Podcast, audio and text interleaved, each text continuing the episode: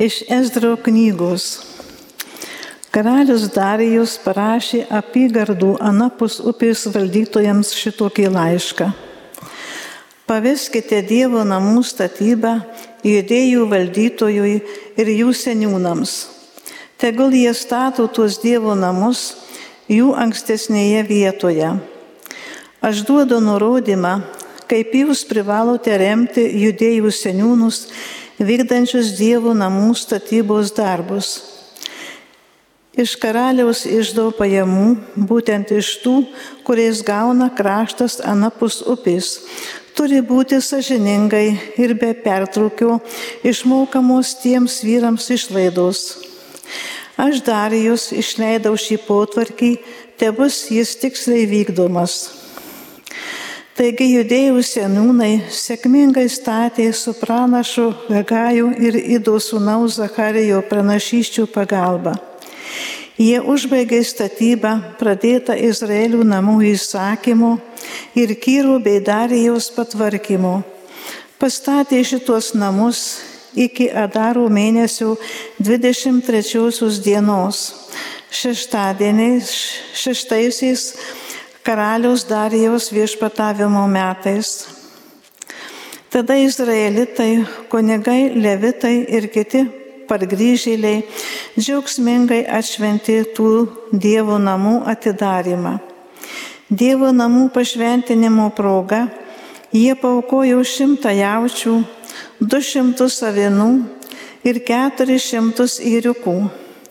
Ir kaip išpirkimo už visą Izraelio auką dvylika ožių pagal Izraelio giminių skaičių.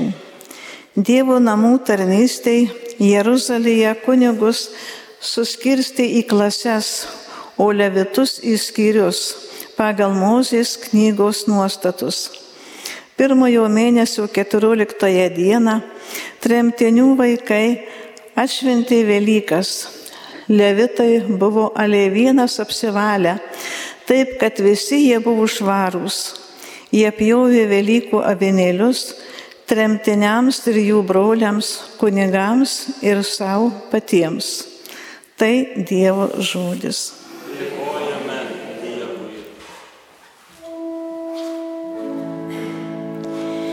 Viešpaties būstant džiaugsmingai keliaujam.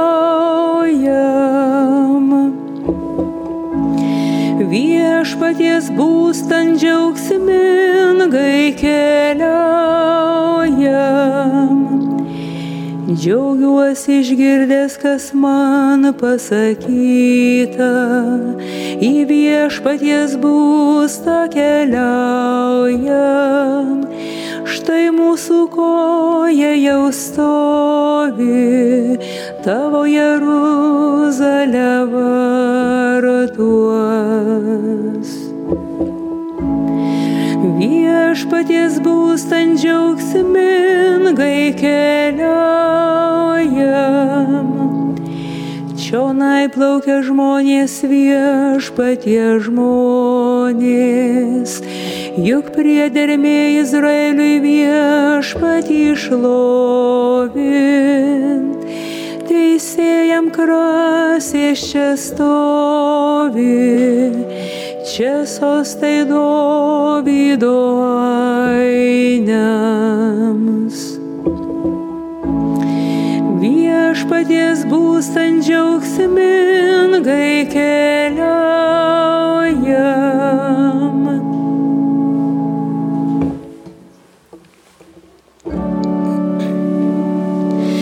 Alleluja,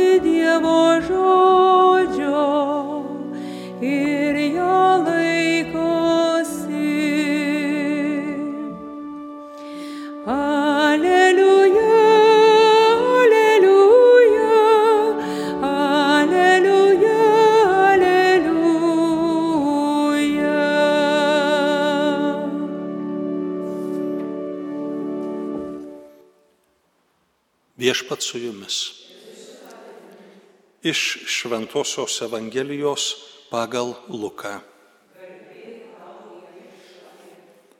Pas Jėzų atėjo motina ir broliai, bet negalėjo prasimušti iki jo per minę. Jiems buvo, jam buvo pranešta, tavo motina ir broliai stovi laukia, nori su tavimi pasimatyti. O jis atsakė, mano motina ir mano broliai, tai tie, kurie klausosi Dievo žodžio ir jį vykdo. Girdėjome viešpaties žodį.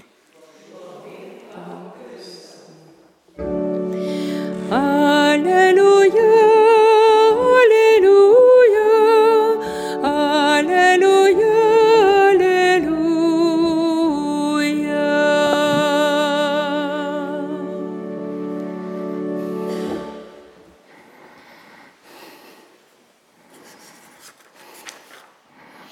Girdėjome Ezros knygoje aprašytą vieną džiaugsmingųjų žydų tautos istorijos epizodų. Vienas iš skaudžiausių epizodų buvo Babilono tremtis. Ir štai šiandien girdėjome tremties pabaiga. Tauta grįžta iš tremties ir visų pirma atstatoma šventykla. Atstatoma šventykla. Kiekvienos tautos istorinėme kelyje šventykla arba šventovė, reprezentuojanti Dievo dvasios buvimą žmonių gyvenime, yra svarbus dalykas, labai svarbus dalykas. O kasgi yra ta šventovė? Šventykla, žinoma, tai yra erdvėje organizuota statyba ir pastatytas rūmas, bažnyčia, šventovė, dar kažkaip šventykla. Šventovė yra kur kas daugiau. Šventovė yra Dievo dvasios sklaida. Ir kas sudaro tą tautos šventovę? Trys kertiniai akmenys - tikyba, kalba ir dorovė. Visų pirma, tikyba. Dievas žmogui davė malonę ir apreiškė save, bet ne visi tą Dievo apreiškimą žmonės turi ir turėjo ir turės galimybę pažinti. Tai prieš randantis užrašytajam Dievo apreiškimo žodžiui. Dievo apsireiškimas žmogui buvo įrašytas jo asmenybės struktūroje, giliausioje asmenybės struktūroje. Tai yra dievystės, dievybės nuojauta, šventybės nuojauta. Žmogus skaito gamtos knygą, masto, daro išvadą. Žmogus iš viso to, kas vyksta, daro išvadas, kad tą savo nuojautą, kurią gal dar nelabai moka įvardinti, kaip nors įvardintų. Ir štai čia kalba, štai čia žodis. Šventasis tėvas Benediktas gražiai sakydavo tokį išsireiškimą - grumtynės dėl žodžių, paieškos, ko geriausio žodžio, ko tinkamiausio išsireiškimo, kad nusakyti tai, ką savo pačia prigimtimi žmogus jaučia - dieviškąją šventybę. O toliau dorovė. Nes įvardinus, kiek tai yra įmanoma, dieviškąją šventybę. Žmogus linksta savo veiksmais prie to pažinto didžiojo gėrio. Dorovė nėra vien tik tai, kaip mes kartais galvojame, labai siaurai, tam tikri žmogaus veiksmai. Ne, dorovė, papročiai, tai yra visa žmogaus veikla, žmogaus, žmonių tarpusavio santykiai, socialiniai santykiai. Ir jie yra dori arba nedori. Priklausomai nuo to, kiek tauta pažino Dievo šventybės nuojautą, kiek ją sugebėjo įvardyti ir įvardinus savo gyvenimą pasiimti. Kalba lygtai atrodytų dalykas neutralus, bet tai ne, tai yra labai svarbu. Net šventyklos, šventovės savokoje vienas iš kertinių yra kalba ir ne bet kokia, gimtoji kalba. Atrodytų keista, bet ne, pradeda mąstyti ir štai kaip atrodo. Žmogaus mūsų, kiekvieno žmogaus organizmas yra sustruktūruotas iš tų mažųjų mažųjų darinėlių, vadinamų genais. Ir jie sąlygoja žmogaus gyvenimą, sveikatą, dažnai net veiksmus. Kultūrinė prasme Taip pat yra tokie darinėliai, vadinami memais, kurie sudaro kiekvienos tautos kultūrinį kodą, kuriame labai svarbę vietą užima tikyba ir dorovė. O kalba, kalba yra tiltas į tą tolimąją praeitį, kuomet formavosi tas kultūrinis tautos kodas. Mes galime pasidžiaugti savuoju turtingu kultūriniu kodu. Iš žilos praeities mūsų nepasiekė rašytiniai šaltiniai. Mūsų tauta nėra rašto tauta, mūsų tauta yra sakmės tauta. Taigi sakmėje ir ypač dainose sudėta tai, kas sudaro patį mūsų kultūrinės tapatybės pagrindą. O tos dainos yra nuostabios, nuostabios savo dorumu, švelnumu, pakantumu Tai yra ko ne unikumas Europos bent jau tautų istorijoje. Jau ir praeito amžiaus, ir pradžioje, ir viduryje, ir dar šiek tiek anksčiau daug kas žavėjosi, net didysis Goethe žavėjosi lietuvių dainomis.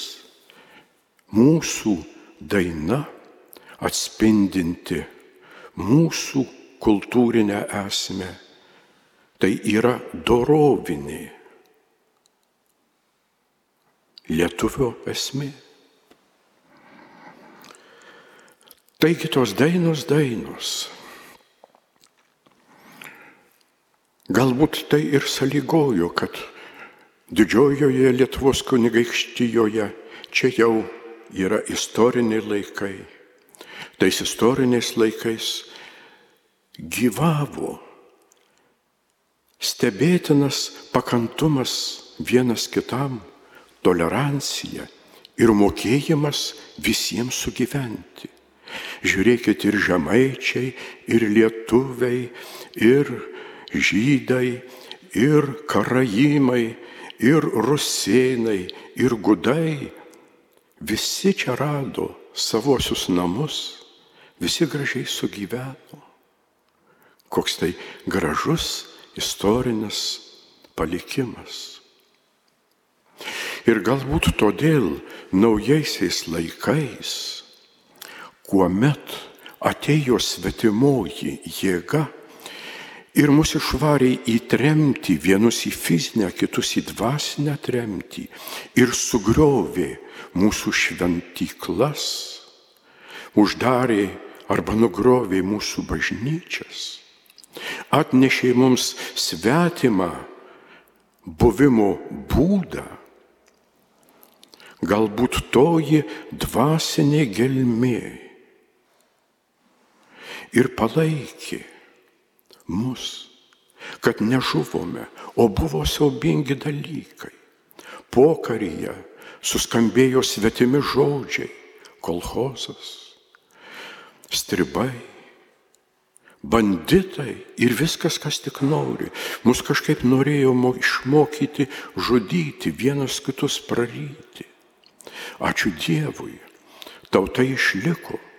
Net ir tada, kada buvo uždarytos bažnyčios, net tada, kada buvo tikyba išguita iš visuomenės, net tada buvo giluminis troškimas statyti katedrą bent savo širdyse. Ir štai, kaip ir žydų tautai, nušvito ir mūsų tautai pavasaris. Sugryžome iš tremties ir iš tolimojo Sibiro, ir iš tolimosios Amerikos, ir iš dvasinės tremties. Sugryžome. Ir dėka tos švelniosios dorovės, to mokėjimo vienas kitam atleisti, mes nesusipykome, o galėjo būti ir kitaip. Galėjo kilti noras keršyti, ieškoti kaltųjų. Visų pirma, tyliai atleido tremtinių kaulai parvežti. Paskui patys tremtiniai neieškojo apyskaitos, neieškojo keršto. Šviesus pavyzdys buvo kunigo monsinjoro Svarinsko poelgis, kuomet jis išrinktas deputatu aukščiausion tarybon. Aukščiausios tarybos rūmuose susitiko kitą deputatą, prokurorą, kuris jį kaltino ir reikalavo jam kalėjimo bausmės. Monsinjoras dovanojo ir kartu darbavosi Lietuvai. Ir vėl kartu statė tą katedrą, tą šventovę. Nes be šventovės, be šventovės tauta apmiršta. Kiek yra pavyzdžių. Ir štai vėl, ačiū Dievui, pradėjome statyti tą šventovę. Bet šiandien jau keliams dešimtmečiams praėjus ateina mintis, labai neraminanti mintis ir liūdinanti mintis. Ar vietoj šventovės mes nestatome kartais Babelio bokštų. Šiandien vargiai jau begalėdami susikalbėti vienas su kitu. O ta atmintis, ta atmintis tokia brangi ir taip norėtųsi, ir taip norėtųsi, kad susikalbėtume, kaip tuo met, atgimimo metu nekeršydami, nesmurtaudami, bet dainuodami ir vėl ta daina. Pamenam, šiandien kai kas jau pasijuokia iš tų žodžių, bet kokie tie brangus žodžiai buvo greičiau į Lietuvą, aš pasilgau Lietuvos. Toji daina vienas iš kertinių mūsų šventovės akmenų, daina kalba, tikyba, dorovė, kol gyvuos ši šventovė. Toliai gyvuos Lietuva, kaip ir kiekviena tauta. Kągi, kryškelėje esam, kryškelėje. Tas Babelio bokšto vaizdinys neduoda nurimti, vis galvoji, kaip bus, kaip bus, kur pasukti. Kartojame žodį kelionė. Kartojame žodį kelias. Sakome, žmogaus gyvenimo kelias. Bažnyčioje dabar sinodinis kelias vyksta. Kiekviena tauta Dievo dovanotoje erdvėje taip pat keliauja savuoju keliu. Ir štai baigiant mūsų susimastymą apie kelią, gražus pavyzdys iš atgimimo laikais mūsų mielai žiūrėto Abdulazės filmo atgaila. To filmo pabaigoje ateina gatve senutė, kurią suvaidino niekad neužmirštamoji Sofiko Čiaurelį ir klausia moteriškę kitą gatvėje, kur veda šitas kelias? Ar jis veda į šventovę? Ne, pasigirdo atsakymas. Tai kam tada reikalingas kelias, jeigu jis neveda į šventovę? Štai didžiuoju klaustuku buvo baigtas tas nuostabusis filmas. Tas didysis klaustukas, tai kam reikalingas kelias, jeigu jis neveda į šventovę? O kur? O kur? Atsidusėkime, jau visiškai pabaigiant. Parodyk mums viešpatie savąjį kelią išmokyk takais tavo eiti, atvesk mus į savąją šventovę.